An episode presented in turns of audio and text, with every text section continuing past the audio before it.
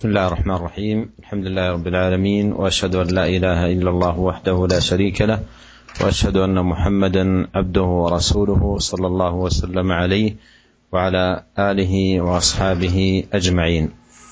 أما بعد لا نزال أيها الأخوة المستمعون الكرام في كتاب الآداب المتعلقة بالمرضى من كتاب رياض الصالحين للإمام النووي رحمه الله تعالى.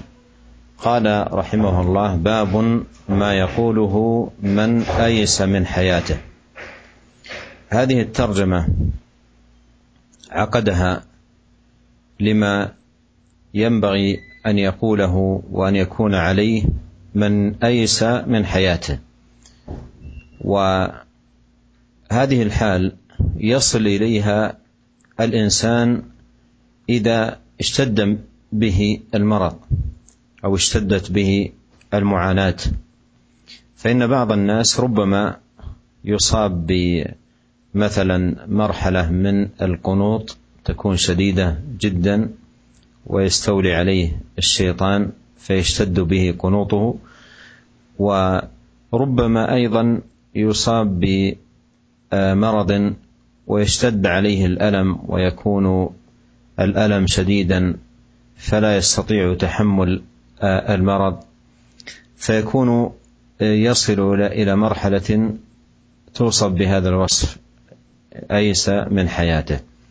فما الذي ينبغي من وصل إلى هذه الحال في اشتداد الأمر إليه؟ ومن المعلوم أن السنة والهدي النبوي جاء بالنهي عن تمني الموت لضر أصاب الإنسان. بل يجب عليه في مثل هذه الحال أن يفوض أمره إلى الله سبحانه وتعالى ويصدق في لجوئه إلى الله عز وجل في تفويض أمره إليه. فيقول اللهم أحيني إن كانت الحياة خيرا لي وتوفني إن كانت الوفاة خيرا لي. لكن ليس له أن يتمنى الموت فضلا عن أن أن يعمل على حصول الموت له كأن يتناول شيئا يتسبب في موته أو مثلا يتعاطى شيئا يتسبب في موته أو يقتل نفسه والعياذ بالله كل ذلكم لا يجوز. لكن على المرء في مثل هذه الحال أن يحسن لجوءه إلى الله سبحانه وتعالى. والسنة النبوية المباركة جاءت أيها الإخوة المستمعون الكرام ببيان الهدي المبارك وأيضا الدعوات العظيمة التي ينبغي على المسلم أن يحرص عليها عند لا سيما عند اشتداد الأمر والإحساس بدنو الأجل. قال رحمه الله تعالى عن عائشة رضي الله عنها قالت سمعت رسول الله صلى الله عليه وسلم وهو مستند إلي يقول اللهم اغفر لي وارحمني والحقني بالرفيق الأعلى متفق عليه.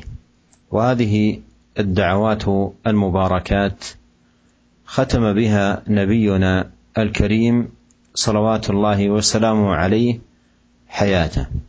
كما أنه كان يختم أعماله ومجالسه بالاستغفار. إذا قام من مجلس ختمه بالاستغفار وإذا انتهى من الصلاة ختمها بالاستغفار. إذا أنهى أعمال حجه ختم ذلك بالاستغفار كما أنه ينهي مجالسه وأعماله بالاستغفار فإنه أيضا عليه الصلاة والسلام أنهى حياته العامرة بطاعة الله والدعوة إلى دين الله والنصح لعباد الله بهذه الكلمات التي هي كلمات استغفار. قال اللهم اغفر لي وارحمني والحقني بالرفيق الأعلى متفق عليه. وهذه دعوات أوردها المصنف رحمه الله تعالى في هذا الباب تبيانا لعموم المسلمين أن مثل هذه الدعوات ينبغي أن يحرص عليها ولا سيما في اللحظات الأخيرة وعند الاحتضار وعند الإحساس بدنو الأجل حتى تجمع له هذه الدعوات بين إقالة العثرة في قوله اللهم اغفر لي وبين قوة الرجاء والطمع فيما عند الله في رحمة الله في قوله وارحمني. ولا شك أن هذه دعوات عظيمات جدير بالمسلم أن يعنى بها وبالله وحده التوفيق.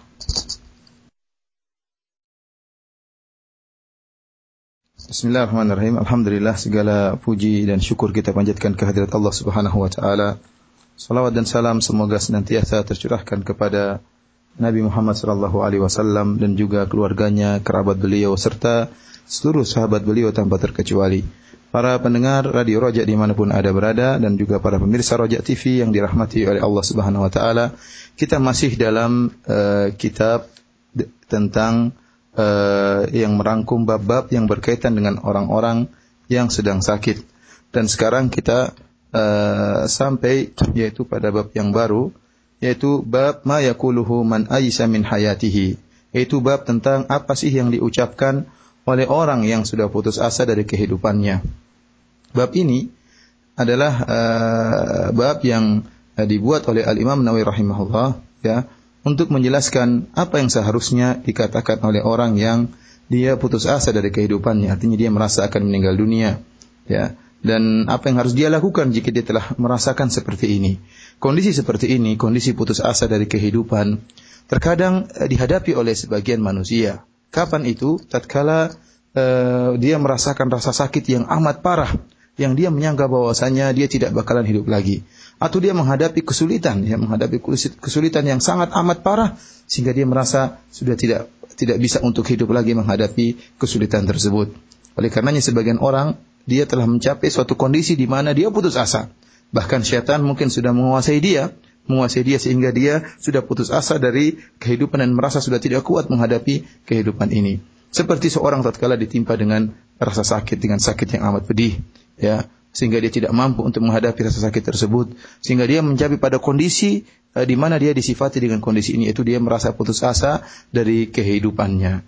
Nah, bagaimana apa yang harus dia lakukan dan apa yang harus dia ucapkan jika dia telah mencapai kondisi seperti ini? Tentunya kita tahu bahwasanya sunnah Nabi Shallallahu Alaihi Wasallam melarang seorang untuk uh, mengharap kematian ya karena lidhurin aswabahu karena ada suatu misalnya uh, kemudaratan yang menghadap menimpanya, ada musibah yang menimpanya, maka seorang tidak boleh mengharapkan untuk mati. Akan tapi jika dia ditimpa dengan pekerjaan dengan dengan, dengan suatu yang sangat berat, musibah yang sangat berat, sakit yang sangat amat parah, maka hendaknya dia menyerahkan urusannya kepada Allah Subhanahu wa taala dan kemudian dia bersandar kepada Allah Subhanahu wa taala. Kemudian dia tulus dalam penyandarannya kepada Allah. Dan dia boleh berkata, Allahumma ahyini in kanatil hayatu khairan li. Ya, wa tawaffani in kanatil wafatu khairan li. Dia boleh mengatakan, Ya Allah, hidupkanlah aku jika memang kehidupan itu baik bagiku. Dan wafatkanlah aku, Ya Allah, jika memang wafat itu baik bagiku. Tetapi tidak boleh. Dia boleh mengucapkan doa tersebut. Ya Allah hidupkan aku jika memang kehidupan baik bagiku dan wafatkanlah aku jika memang wafat kematian adalah baik bagiku tetapi dia tidak boleh sekali-sekali meminta kematian ya ya dia tidak boleh minta Eh, kematian. Apalagi dia berusaha untuk segera terpisah dari kehidupan ini. Misalnya dia mengambil sesuatu racun misalnya atau suatu uh, membunuh dirinya misalnya maka ini hukumnya haram dan uh, tidak diperbolehkan. Oleh karenanya seorang hendaknya tatkala dia menghadapi sesuatu yang sangat berat ya musibah yang sangat berat, rasa sakit yang amat parah, maka dia hendaknya dia menyerahkan segala urusannya kepada Allah Subhanahu wa taala. Oleh karenanya dalam eh, hadis-hadis Nabi Shallallahu Alaihi Wasallam menjelaskan tentang bagaimana sih petunjuk yang benar, petunjuk, yang penuh keberkahan, tatkala menghadapi kondisi seorang merasa dirinya akan meninggal dunia atau seorang uh, merasa merasa sebentar lagi ajalnya akan datang, maka sunnah mengajarkan dengan dakwah-dakwah yang penuh keberkahan, dengan doa-doa yang penuh keberkahan yang hendaknya diucapkan oleh seorang yang tatkala dia merasa dirinya akan dipanggil oleh Allah Subhanahu wa taala. Dari Aisyah radhiyallahu taala anha beliau berkata, "Sami'tu Nabiyya sallallahu alaihi wasallam wa huwa mustanidun ilayya yaqul." Kata Aisyah radhiyallahu taala anha, "Aku mendengar Nabi sallallahu alaihi wasallam dan tatkala Nabi sallallahu alaihi wasallam dalam keadaan bersandar kepadaku, Nabi sallallahu alaihi wasallam berkata, "Allahumma ghfirli warhamni wa alhiqni birrafiqil a'la.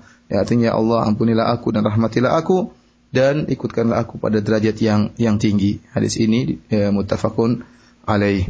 Para pemirsa yang dirahmati oleh Allah Subhanahu wa taala, Ini adalah doa yang penuh keberkahan yang merupakan doa terakhir yang diucapkan oleh Nabi Shallallahu Alaihi Wasallam. Ya diucapkan oleh Nabi Shallallahu Alaihi Wasallam sebelum beliau meninggal dunia. Ya, inilah uh, apa beliau menutup kehidupan beliau dengan berdoa doa seperti ini.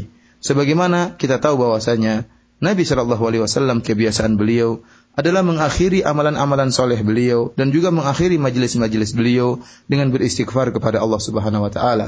Jika beliau bangun dari majelisnya, maka beliau kemudian beristighfar kepada Allah Subhanahu wa taala. Jika beliau telah selesai dari salatnya, maka beliau pun beristighfar kepada Allah Subhanahu wa taala. Jika beliau selesai dari hajinya, maka beliau segera beristighfar kepada Allah Subhanahu wa taala. Demikian juga tatkala beliau hendak mengakhiri kehidupan beliau dan tatkala beliau merasa Allah akan memanggil beliau, maka beliau pun menutup eh, kehidupan beliau dengan Eh, ber, uh, dengan dengan uh, beristighfar kepada Allah Subhanahu wa taala, kehidupan beliau yang penuh dengan keberkahan, kehidupan beliau yang diisi dengan berdakwah di jalan Allah Subhanahu wa taala, kehidupan yang beliau kehidupan beliau yang isinya seluruhnya adalah beramal soleh dan bertakwa kepada Allah Subhanahu wa taala, beliau akhiri kehidupan beliau tersebut dengan mengatakan Allahumma ghufirli, ya Allah ampunilah aku, warhamni dan rahmatilah aku dan ikutkanlah aku kepada derajat yang derajat yang tinggi. Ini adalah dakwah yang penuh keberkahan yang dibawakan oleh uh, Al-Imam Nawawi rahimahullah agar uh, kaum muslimin bersemangat untuk menghafal doa-doa yang seperti ini dan berusaha untuk bisa mengucapkan doa-doa yang seperti ini terutama tatkala dalam keadaan uh, ihtidhar dalam keadaan sakaratul maut. Jadi dia berusaha untuk mengucapkan doa seperti ini karena doa ini ya mencakup makna-makna yang indah Ya Allah maghfirli yaitu berharap agar Allah Subhanahu wa taala mengampuni dosa-dosanya. Warhamni ini raja pengharapan kepada Allah Subhanahu wa taala. Walhaqni birafiqil a'la demikian juga ikutkanlah aku kepada derajat yang tinggi. Ini juga merupakan merupakan harapan yang uh, tinggi kepada Allah Subhanahu wa taala. Hendaknya seorang berusaha menghafalkan uh, doa ini dan dia ucapkan tatkala dia merasa dirinya akan dipanggil oleh Allah Subhanahu wa taala. وقوله في هذا الحديث ألحقني بالرفيق الأعلى. قال المصنف الإمام النووي رحمه الله في شرحه لكتاب رياض في شرحه لكتاب صحيح مسلم قال الصحيح الذي عليه الجمهور أن المراد بالرفيق الأعلى الأنبياء الساكنون أعلى عليين.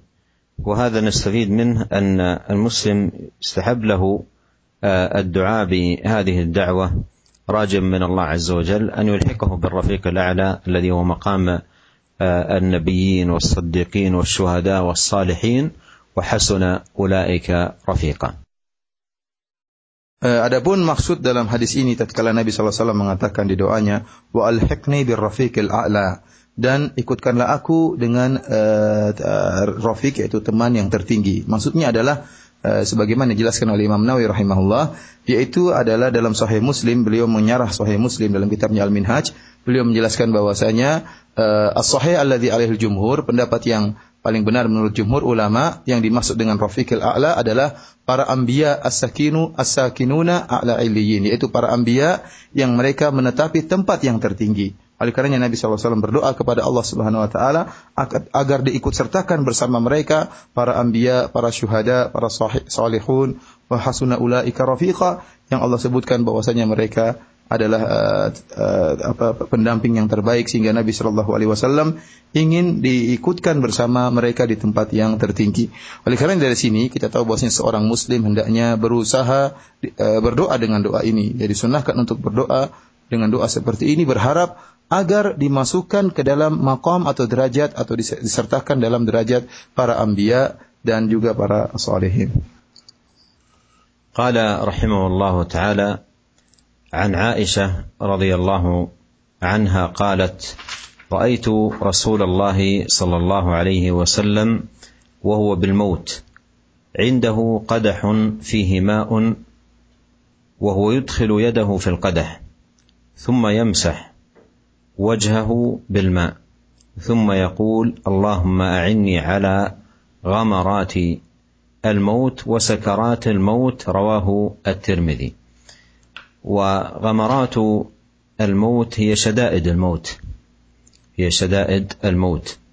وهذا فيه أن المسلم يتوجه إلى الله سبحانه وتعالى في هذا المقام عندما يشتد به الأمر وساعات الاحتضار بدعاء الله سبحانه وتعالى أن يخفف عليه سكرات الموت.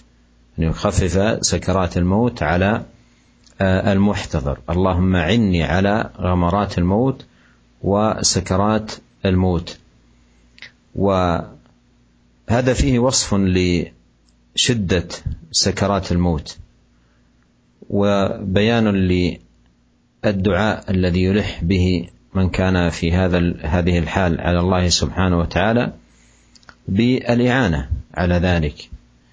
وهذا الحديث فيه أن سكرات الموت تصيب حتى الأنبياء ولهذا طلبوا من الله سبحانه وتعالى الإعانة على سكرات الموت وشدائده. وهذا أيضا مما يبين افتقار جميع الخلق والعباد إلى الله سبحانه وتعالى وأنه عز وجل وحده هو الذي أمات وأحيا وأضحك وأبكى وأقنى وأغنى والأمر بيده جل وعلا لا شريك له. Para pemirsa yang dirahmati oleh Allah Subhanahu wa taala, kemudian Al Imam Nawawi rahimahullah menyebutkan hadis yang berikutnya, hadis yang kedua yang juga diriwayatkan dari Ummul Mukminin Aisyah radhiyallahu taala anha. Beliau berkata, "Ra'aitu Rasulullah sallallahu alaihi wasallam wa huwa bil maut, indahu qadahun fihi ma." Aku melihat Rasulullah Shallallahu Alaihi Wasallam dalam kondisi akan meninggal dunia. Tatkala itu di sisinya ada uh, gelas yang berisi air atau tempayan yang berisi air. Wahwa yudkhilu yadahu fil qadah. Kemudian Nabi Shallallahu Alaihi Wasallam masukkan tangannya di dalam uh, cangkir atau dalam uh, gelas tersebut. Thumma yamsahu wajahahu bil ma. Kemudian beliau mengusapkan Eh, tangannya yang yang dari air yang yang yang terdapat air dari cangkir tersebut dia usapkan air tersebut ke wajah beliau kemudian beliau alaihi salatu wasallam berkata Allahumma a'inni ala ghamaratil maut wa sakaratil maut yang artinya ya Allah ya bantulah aku dalam menghadapi sulitnya ya yaitu kematian dan juga menghadapi ya beratnya eh, hal-hal uh, yang menunjukkan tanda-tanda kematian. Hadis ini diriwayatkan oleh Al-Imam Tirmidzi rahimahullahu taala. Para pemirsa yang dirahmati oleh Allah Subhanahu wa taala yang dimaksud dengan ghamaratul maut, ghamaratul maut artinya yaitu syada'idul maut, yaitu kesulitan dan kepayahan yang dihadapi seorang yang akan meninggal dunia. Hadis ini menunjukkan bahwasanya uh, seorang muslim hendaknya bertawajuh yaitu menyerahkan urusannya kepada Allah Subhanahu wa taala, terutama dalam kondisi seperti ini. Dalam kondisi di mana dia menghadapi sakaratul maut, ajal segera menjemputnya, dia akan meninggal dunia. Ya tatkala misalnya uh, perkaranya sudah sangat genting. Demikian juga dalam keadaan sakaratul maut. Maka hendaknya dia bertawajuh kepada Allah Subhanahu wa taala dan kemudian meminta pertolongan kepada Allah Subhanahu wa taala agar Allah mengurangi ya mengurangi sakaratul maut yang sedang dia hadapi, yaitu mengurangi kesulitan dan kepayahan yang kematian yang akan dia hadapi. Para nulis yang dirahmati oleh Allah Subhanahu wa taala, di sini juga menunjukkan bahwasanya uh, sakaratul maut adalah perkara yang berat yang akan dihadapi oleh uh, orang yang akan meninggal dunia. Kemudian juga dianjurkan bagi seorang yang merasa menghadapi sakaratul maut untuk berdoa kepada Allah Subhanahu wa taala, meminta pertolongan. Dalam hadis ini Nabi SAW berdoa, "Allahumma a'inni," yang artinya ya Allah tolonglah aku. Tolonglah hambamu ini dalam menghadapi beratnya sakaratul maut. Dan ini juga dalil bahwasanya sakaratul maut ya menimpa siapa saja, bahkan para nabi, para anbiya, bahkan Rasulullah sallallahu alaihi wasallam juga menghadapi sakaratul maut, ya. Oleh karenanya, ya, tatkala seorang menghadapi sakaratul maut, hendaknya dia hanya minta pertolongan kepada Allah Subhanahu wa taala saja. Yang ini menunjukkan bahwasanya seluruh makhluk butuh kepada Allah Subhanahu wa taala. Siapa pun dia bahkan Rasulullah sallallahu alaihi wasallam para anbiya tatkala mereka dalam sakratul maut mereka butuh pertolongan Allah Subhanahu wa taala. Karena dialah Allah Subhanahu wa taala dialah yang ahya wa amat dialah yang menghidupkan mematikan. Dialah adha wa adhaka wa abaka dialah yang telah membuat orang tertawa dan juga membuat orang menangis. Dia juga yang agna wa aqna dia juga telah membuat dia Allah yang menjadikan seorang menjadi kaya dan Allah juga menjadikan seorang dalam keadaan sulit. Oleh karenanya segala permohonan dan segala permintaan hanya ditujukan kepada Allah Subhanahu wa taala terutama dalam kondisi-kondisi yang sangat berat seperti sakaratul maut. قال رحمه الله تعالى باب استحباب وصية أهل المريض ومن يخدمه بالاحسان اليه والصبر على ما يشق من امره وكذا الوصيه بمن قرب سبب موته بحد أو قصاص ونحوهما. وهذه الترجمة تتناول أيها الإخوة المستمعون جانبان من الوصية. الجانب الأول يتعلق بأهل المريض ومن يقوم على خدمته بالاحسان إليه والصبر على ما يشق من أمره. وذلك أن أهل المريض ومن حوله قد يعانون مثلا من شدة وأمور يعاينها المريض وآلام ونحو ذلك فيحتاجون من يواسيهم ويسليهم ويصبرهم. والجانب الآخر الوصية بمن قرب سبب موته بحد أو قصاص ونحوهما.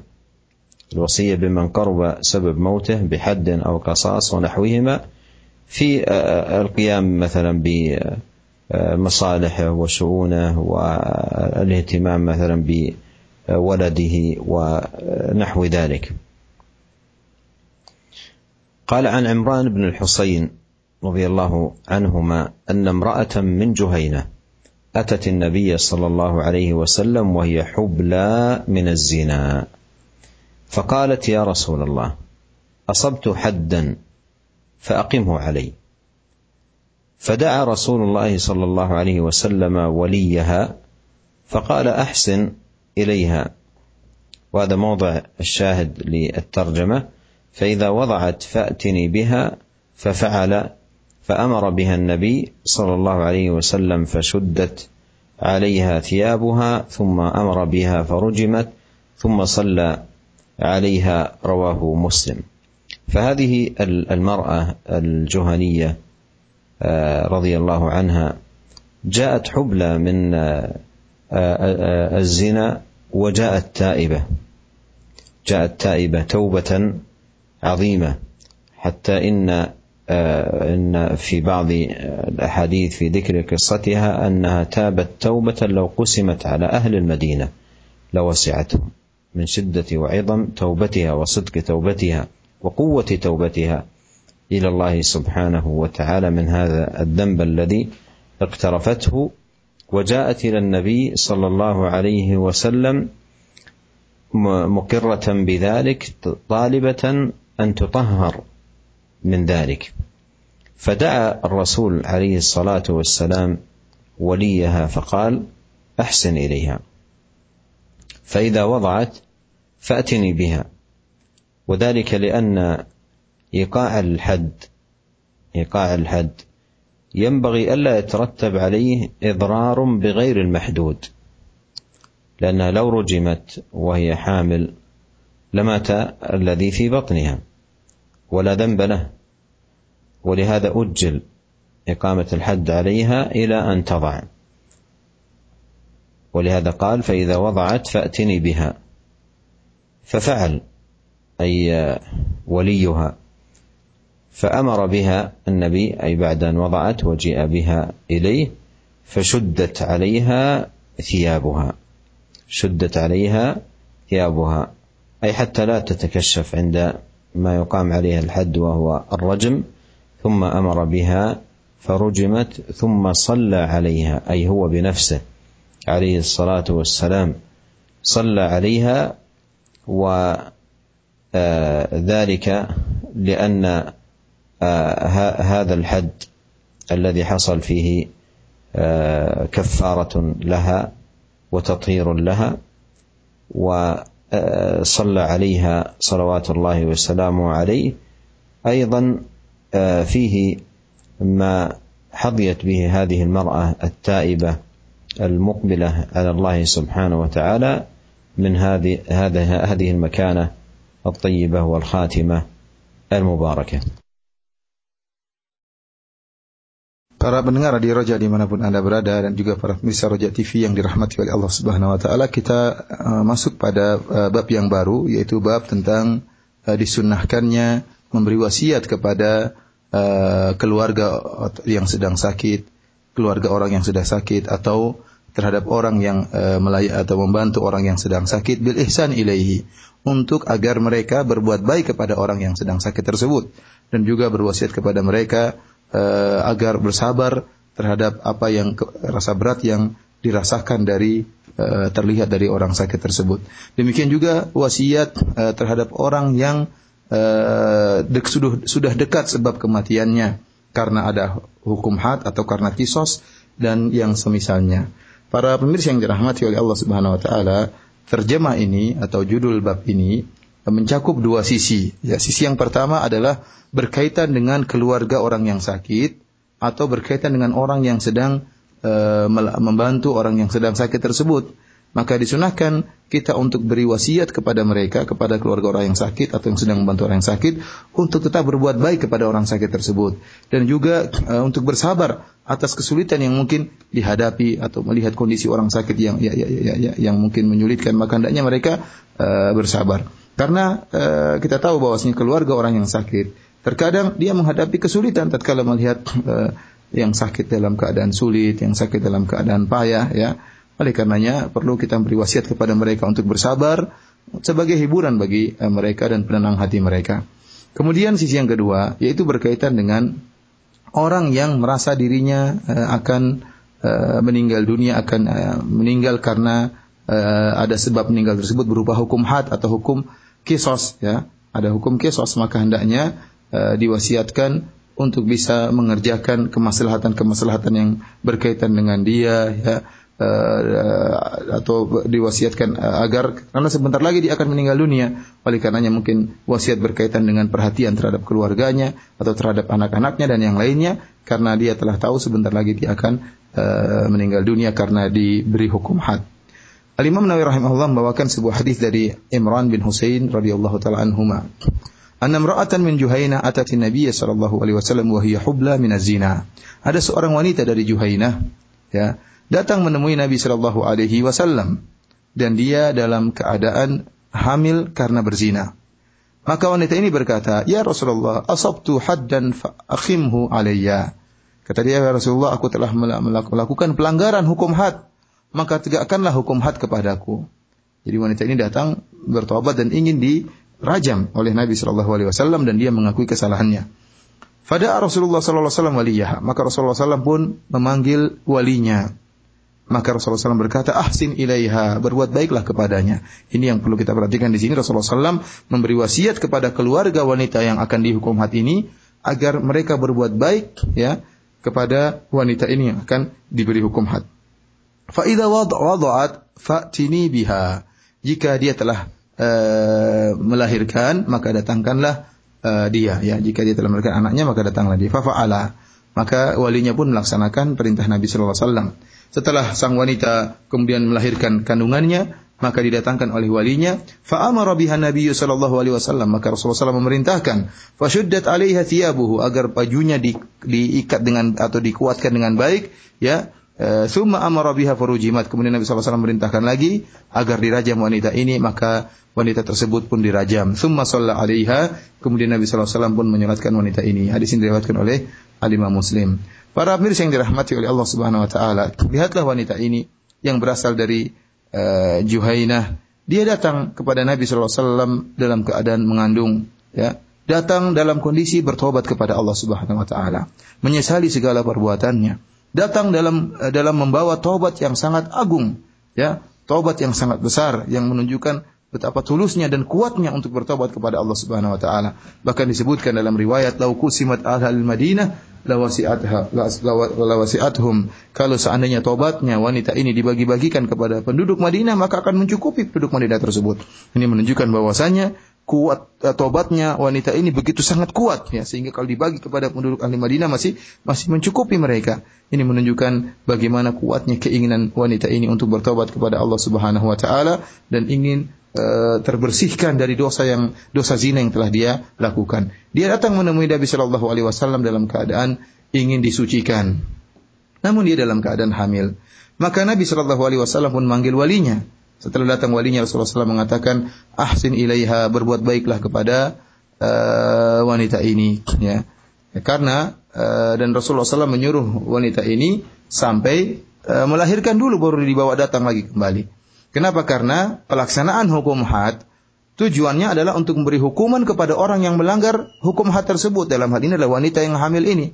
Akan tapi tidak boleh memberi kemudaratan kepada orang yang tidak melakukan pelanggaran. Ya, di antara yang bersih tidak melakukan pelanggaran adalah uh, kandungan atau bayi uh, janin yang ada dalam perutnya. Dia tidak bersalah bayi tersebut. Yang bersalah ibunya. Oleh karenanya Nabi SAW tidak menegakkan hukum had secara langsung tatkala wanita sedang hamil. Karena kalau, kalau seandainya ditegakkan hukum had sementara sang wanita dalam keadaan hamil, maka yang celaka yang akan meninggal bisa saja bukan cuma sang wanita, tetapi janin yang ada dalam perutnya juga akan mendapatkan kemudaratan dan bisa saja keguguran atau meninggal dunia. Oleh karenanya Rasulullah SAW eh, memerintahkan walinya untuk membawa wanita ini agar di di, di, di, di apa namanya di, di berbuat baik kepada sang wanita ini sampai dia melahirkan anaknya. Setelah wanita ini melahirkan anaknya, maka didatangkanlah oleh sang uh, wali menuju Nabi Shallallahu Alaihi Wasallam untuk ditegakkan hukum had. Maka Rasulullah SAW pun merintahkan agar pakaiannya dikencengkan, pakaian sang wanita tersebut. Kenapa? Karena wanita ini akan dirajam, akan dilempar dengan batu sehingga meninggal dunia. Ya, akhirnya pakaiannya harus dikuatkan agar tidak tersingkap auratnya tatkala sedang dirajam. Kemudian akhirnya dirajamlah wanita ini Ya, kemudian setelah dirajam, maka Nabi Shallallahu Alaihi Wasallam menyolatkan jenazah wanita ini.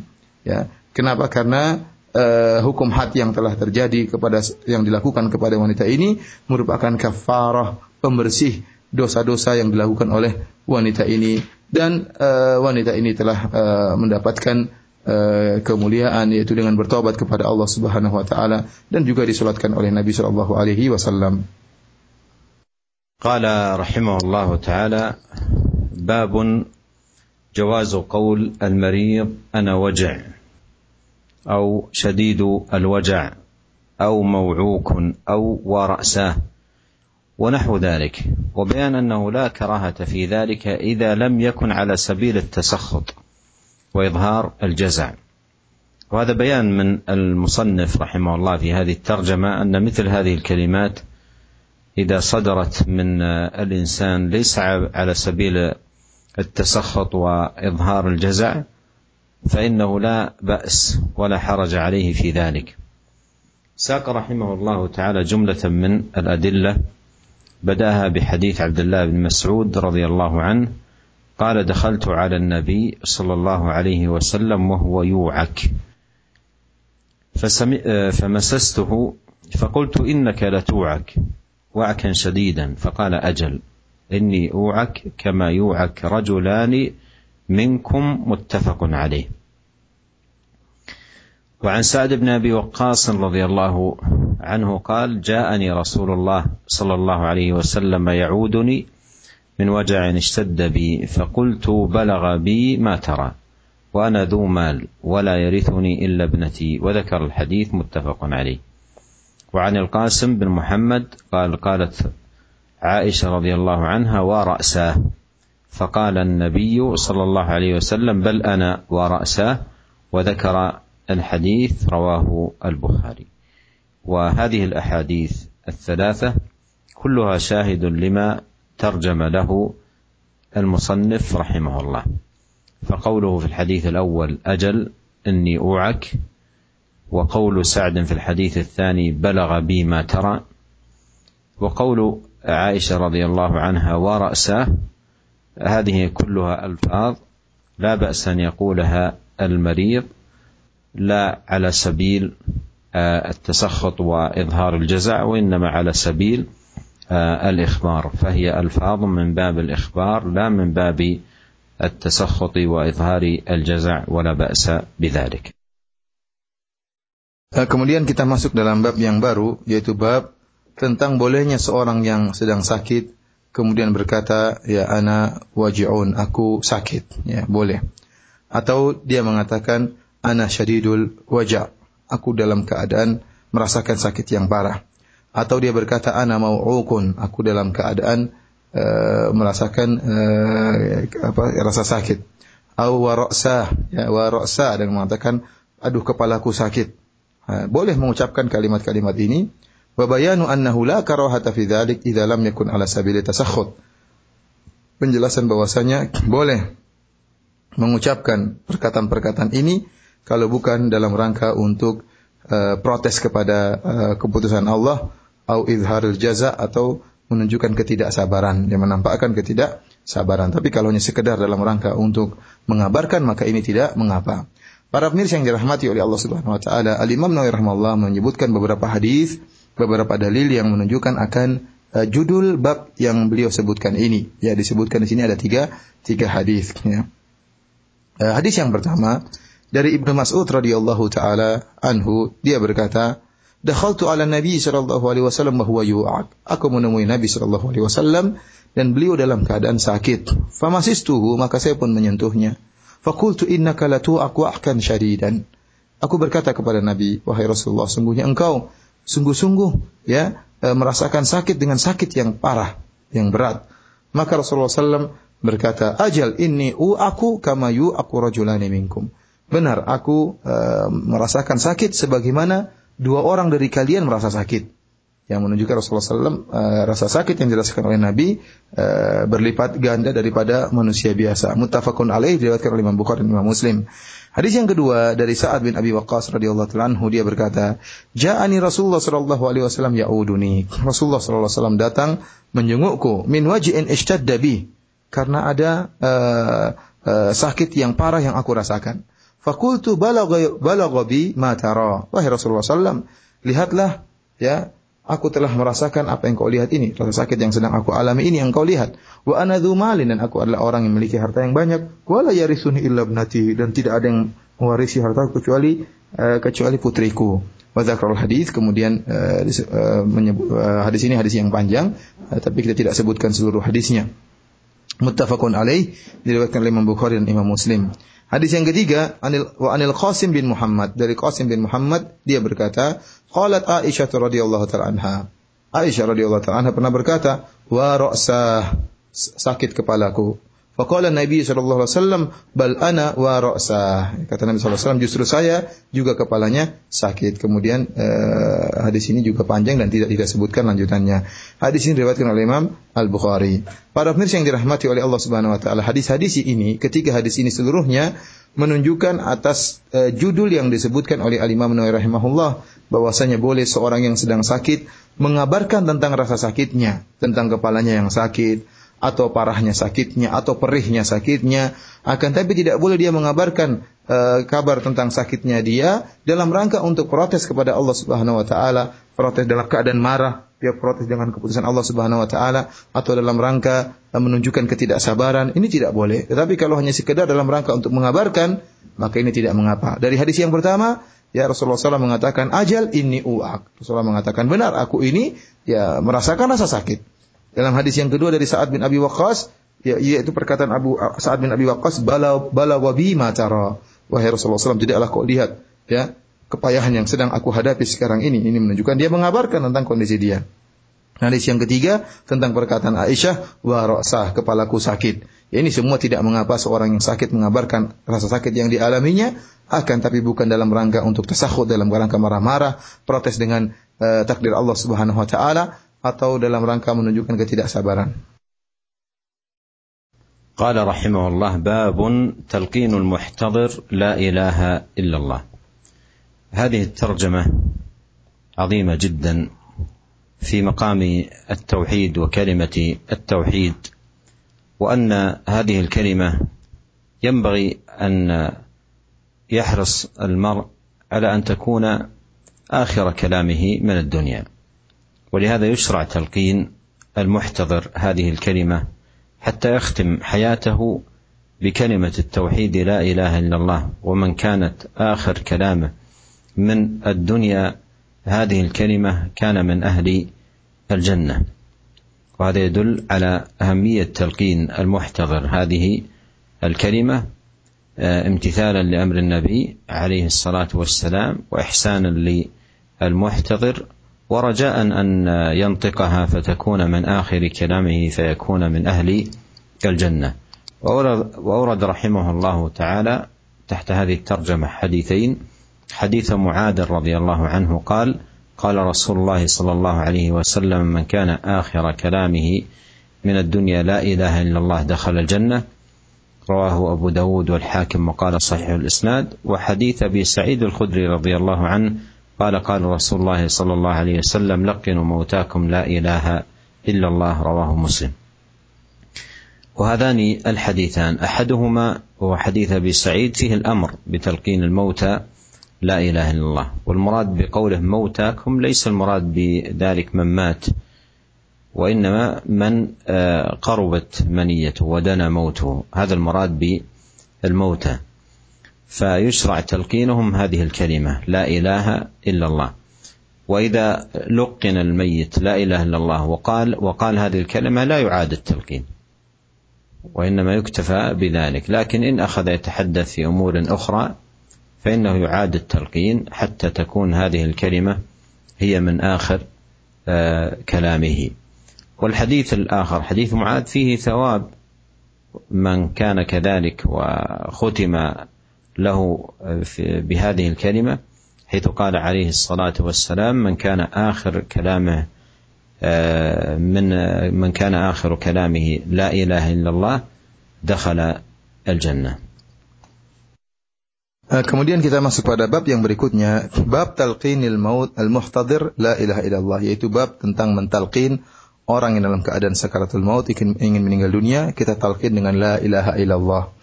Para uh, pemirsa yang dirahmati oleh Allah Subhanahu wa taala, judul ini merupakan judul yang agung yang berkaitan tentang kedudukan tauhid. Tauhid merupakan kalimat yang sangat agung yang hendaknya seorang muslim berusaha untuk mengucapkan kalimat tersebut terutama tatkala akan meninggal dunia agar kalimat terakhir yang dia ucapkan sebelum uh, meninggalkan dunia ini adalah la ilaha illallah kalimat tauhid ya. Oleh karenanya uh, tatkala seorang mengunjungi orang dalam keadaan sakratul maut maka hendaknya dia mentalkin orang tersebut untuk mengucapkan la ilaha illallah agar kalimat terakhir yang diucapkan oleh orang yang sakratul maut itu adalah la ilaha illallah.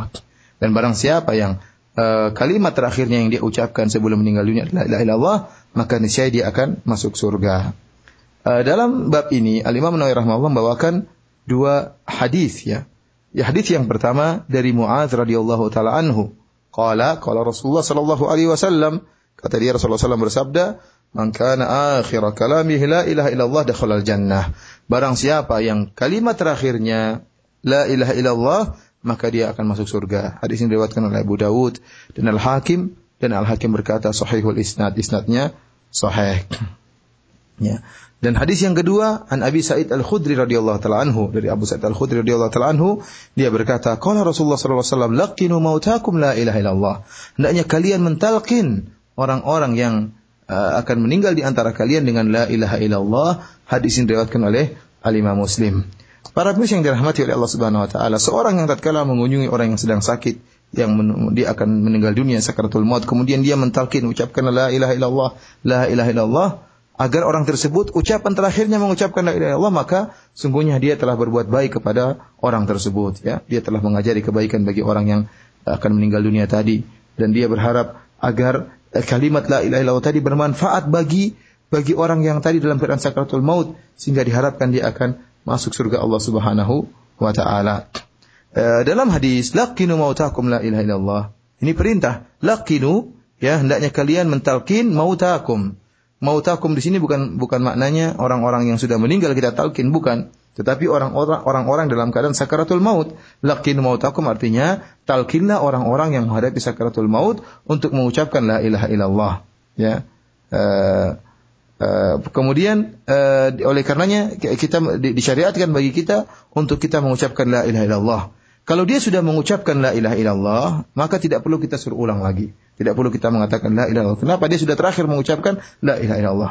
Kecuali jika setelah dia mengucapkan la ilaha illallah, kemudian dia berbicara dengan perkara lain, ngomong sama yang sedang menjenguknya atau berbicara tentang pembicaraan lain, maka disunahkan bagi kita untuk menyuruh, menyuruh dia mengulangi mengulangi lagi mengucapkan la ilaha illallah agar benar-benar kalimat terakhir yang dia ucapkan sebelum meninggal dunia adalah la ilaha illallah. Dan barang siapa yang kalimat terakhirnya sebelum meninggal dunia la ilaha illallah, maka masuk surga sebagaimana hadis tadi dari uh, Muadz Man kana akhir kalamih la ilaha illallah dakhala jannah. Barang siapa yang kalimat terakhirnya adalah la ilaha illallah, maka akan masuk surga. ولنستمع أيها الأخوة المستمعون بهذه المناسبة إلى هذه القصة العظيمة لأحد كبار أهل العلم من أئمة السلف وعلماء الحديث وهو الإمام أبو زرعة الرازي رحمه الله تعالى عندما حضرته الوفاة. يرويها آه، محمد بن مسلم. يقول حضرت مع أبي حاتم محمد بن إدريس الرازي عند أبي زرعة عبيد الله بن عبد الكريم الرازي وهو في النزع. فقلت لأبي حاتم تعال حتى نلقنه الشهادة. فقال أبو حاتم إني لا أستحيي من أبي زرعة أن ألقنه الشهادة ولكن تعال حتى نتذاكر الحديث عنده. فلعله إذا سمعه يقول قال محمد بن مسلم فبدأت فقلت حدثنا أبو عاصم النبيل أي ساق الحديث بإسناد على طريقة المحدثين قال حدثنا عبد الحميد بن جعفر فارتج علي الحديث حتى كأني ما سمعته ولا قرأته. فبدأ أبو حاتم وقال حدثنا محمد بن بشار قال حدثنا أبو عاصم النبيل عن عبد الحميد بن جعفر فارتج علي حتى كأنه ما قرأه ولا سمعه فبدأ أبو زرعة أي المحتضر رحمه الله. وقال حدثنا محمد بن بشار قال حدثنا أبو عاصم النبيل قال حدثنا عبد الحميد بن جعفر عن صالح بن أبي عريب عن كثير بن مرة عن معاذ بن جبل قال قال رسول الله صلى الله عليه وسلم من كان آخر كلامه من الدنيا لا إله إلا الله وخرجت روحه مع الهاء من قبل أن يقول دخل الجنة Uh, para pemirsa yang dirahmati oleh Allah Subhanahu wa taala, uh, ada sebuah kisah yang yang menarik, kisah yang sangat agung dari kisah salah seorang dari uh, ahli hadis dari para dari ulama besar, ulama kaum muslimin yaitu Abu Zur'ah Ar-Razi tatkala dia akan meninggal dunia berkaitan tentang hadis yang telah kita sebutkan tadi yaitu barang siapa yang uh, perkataannya terakhir la ilaha illallah maka dia akan masuk surga. Kisah ini dibawakan oleh seorang uh, ahli hadis yang bernama Muhammad bin Muslim. Dia berkata, uh, aku bersama uh, Abu Hatim yaitu Muhammad bin Idris Ar-Razi di sisi Abu Zur'ah yaitu Ubaidillah bin uh, Abdul Karim Ar-Razi. Ya, tatkala itu uh, Abu Zur'ah Ar-Razi dalam keadaan akan meninggal dunia.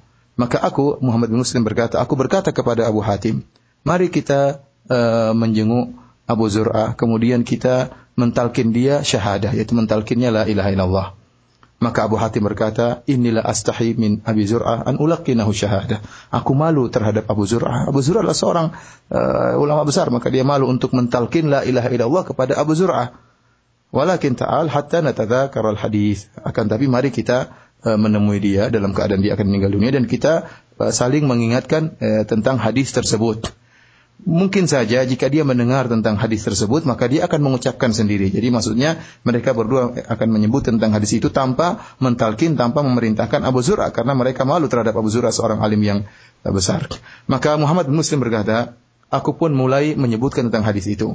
Maka aku berkata, haddatsana Abu Asim An-Nabil telah menyampaikan kepada kami Abu Nasim Abu Asim An-Nabil. Kemudian Abu Asim An-Nabil berkata, haddatsana Abdul Hamid bin Ja'far yaitu dia menyampaikan tentang hadis ini dengan menyebutkan sanatnya sebagaimana Tariqatul Muhaddithin, bagaimana caranya Ahlul Hadis tatkala menyampaikan hadis dengan menyebutkan sanat-sanatnya. Tatkala dia sampai pada sanat Abdul Hamid bin Ja'far, maka dia tidak mampu untuk melanjutkan hadis tersebut, ya. Kemudian seakan-akan aku tidak pernah uh, mendengar hadis ini dan aku tidak pernah membaca hadis ini. Ya, mungkin kondisinya membuatnya tidak mampu untuk melanjutkan hadis tersebut. Maka Abu Hatim pun melanjutkan, ya. Abu Hatim mengatakan haddatsana Muhammad bin Bashar telah menyampaikan kepada kami Muhammad bin Bashar. Qala haddatsana Abu Asim An-Nabil. Uh, kemudian Muhammad bin Bashar mengatakan telah mengabarkan kepada kami Abu Asim An-Nabil an Abdul Hamid bin Ja'far sampai dan dari Abdul Hamid bin Ja'far. Tatkala sampai pada rawi Abdul Hamid bin Ja'far, ternyata Eh, Abu Hatim juga tidak mampu untuk menyampaikannya seakan-akan dia tidak pernah mendengar hadis ini dan tidak pernah membaca hadis ini. Maka Abu Zur'ah yang dalam keadaan sakaratul maut ya kemudian dia uh, seakan-akan ikut serta dalam uh, mudzakarah hadis tersebut, ya maka dia pun membacakan sanatnya. Dia mengatakan haddatsana Muhammad bin Bashar telah mengabarkan kepada kami Muhammad bin Bashar. Qala haddatsana Abu Asim An-Nabil. Dia berkata telah menyampaikan kepada kami Abu Asim An-Nabil. Qala haddatsana Abdul Hamid bin Ja'far dan telah mengabarkan kepada kami Abdul Hamid bin Ja'far dia lanjutkan sanatnya an Saleh bin Abi Arib telah dari Saleh bin Abi Arib an Kathir bin Murrah, an Mu'adz bin Jabal. Sampai kepada sahabat Mu'adz bin Jabal. Kemudian uh, dia berkata, Qala Rasulullah sallallahu alaihi wasallam, "Man kana akhiru kalamihi minad dunya la ilaha illallah." Barang siapa yang kalimat terakhirnya dari dunia la ilaha illallah, maka meninggallah Abu Zur'ah Ar-Razi. Seharusnya hadisnya, "Man kana akhiru kalamihi minad dunya la ilaha illallah, dakhala al-jannah." Barang siapa yang kalimat terakhirnya la ilaha illallah masuk surga, tetapi baru sampai pada kalimat la ilaha illallah, maka Abu Zur'ah pun meninggal dunia sehingga akhirnya kalimat terakhir yang dia ucapkan adalah la ilaha illallah. Ini merupakan kisah yang sangat menakjubkan tentang salah seorang ulama uh, besar dari kaum muslimin.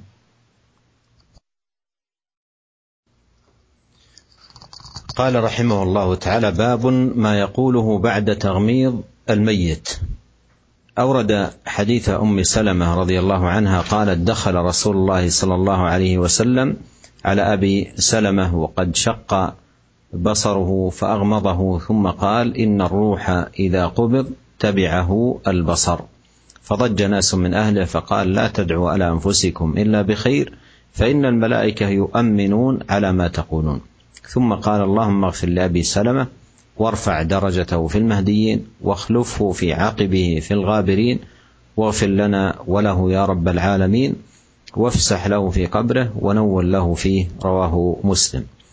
وهذه الدعوات التي أوردها رحمه الله تعالى يدعى بها للميت إذا فارقت الروح الجسد فتغمض عينيه ويدعى له بهذه الدعوات التي جاءت في هذا الحديث العظيم. وبهذا الحديث وبهذه الترجمة نختم لقاءنا هذا اليوم. سائلين الله تبارك وتعالى التوفيق والسداد والعون على كل خير. Kemudian uh, bab berikutnya yaitu bab apa yang diucapkan uh, tatkala setelah kita menutupkan uh, apa namanya mata orang yang meninggal dunia. Dari Ummu Salamah radhiyallahu taala anhuma dia berkata, Rasulullah sallallahu alaihi wasallam masuk menemui Abu Salamah yang yaitu Abu Salamah sudah meninggal dunia. Waqad syaqqa basaruhu tatkala itu pandangan Abu Salamah matanya terbuka. Fa aghmadahu maka Nabi sallallahu alaihi wasallam pun menutup kedua matanya. Setelah itu Rasulullah SAW berkata, Inna ruha idha qubidha tabi'ahul basar.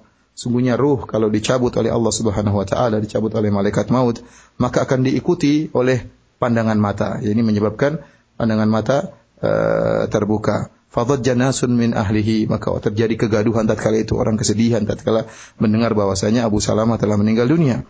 Maka Rasulullah SAW mengingatkan mereka, kata Rasulullah SAW, La tad'u ala anfusikum illa bi khair. Janganlah kalian mendoakan kejelekan bagi diri kalian, tapi doakanlah kebaikan bagi diri kalian. Fa innal malaikata yu'minuna ala ma taqulun. Sungguhnya malaikat mengaminkan atas apa yang kalian ucapkan.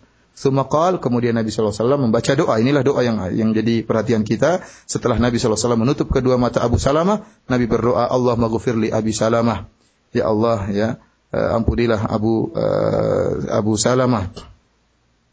Kemudian uh, Rasulullah SAW mengatakan warfa darajatahu fil mahdiyin dan angkatlah derajat Abu Salamah yaitu di sisi orang-orang yang mendapatkan yang engkau telah beri hidayah ya Allah wa khlufhu fi aqibihi fil ghabirin yaitu artinya ya Allah jadilah engkau eh, penggantinya ya terhadap orang-orang yang dia tinggalkan itu agar Allah menjaga uh, orang-orang yang ditinggalkan oleh Abu Salamah. Waghfir lana walahu ya rabbal alamin. Ampunilah kami dan ampunilah Abu Salamah wahai rabbal alamin. Fafsah lahu fi qabrihi wa nawwir lahu fih. Hendaknya kau lapangkan kuburannya dan juga berilah cahaya di kuburannya. Hadis diriwayatkan oleh Al-Imam Muslim. Inilah doa yang penuh keberkahan yang hendaknya dibaca oleh seseorang tatkala dia menutupkan kedua mata seorang yang baru meninggal dunia. Dengan hadis ini maka kita akhiri pengajian kita dan mudah-mudahan kita masih diberi kesempatan oleh Allah Subhanahu wa taala untuk bersua di pekan depan dalam pengajian yang sama yaitu dari kitab Riyadhus Shalihin karangan Imam Nawawi rahimahullah. Demikian saja wabillahi taufik. Assalamualaikum warahmatullahi wabarakatuh.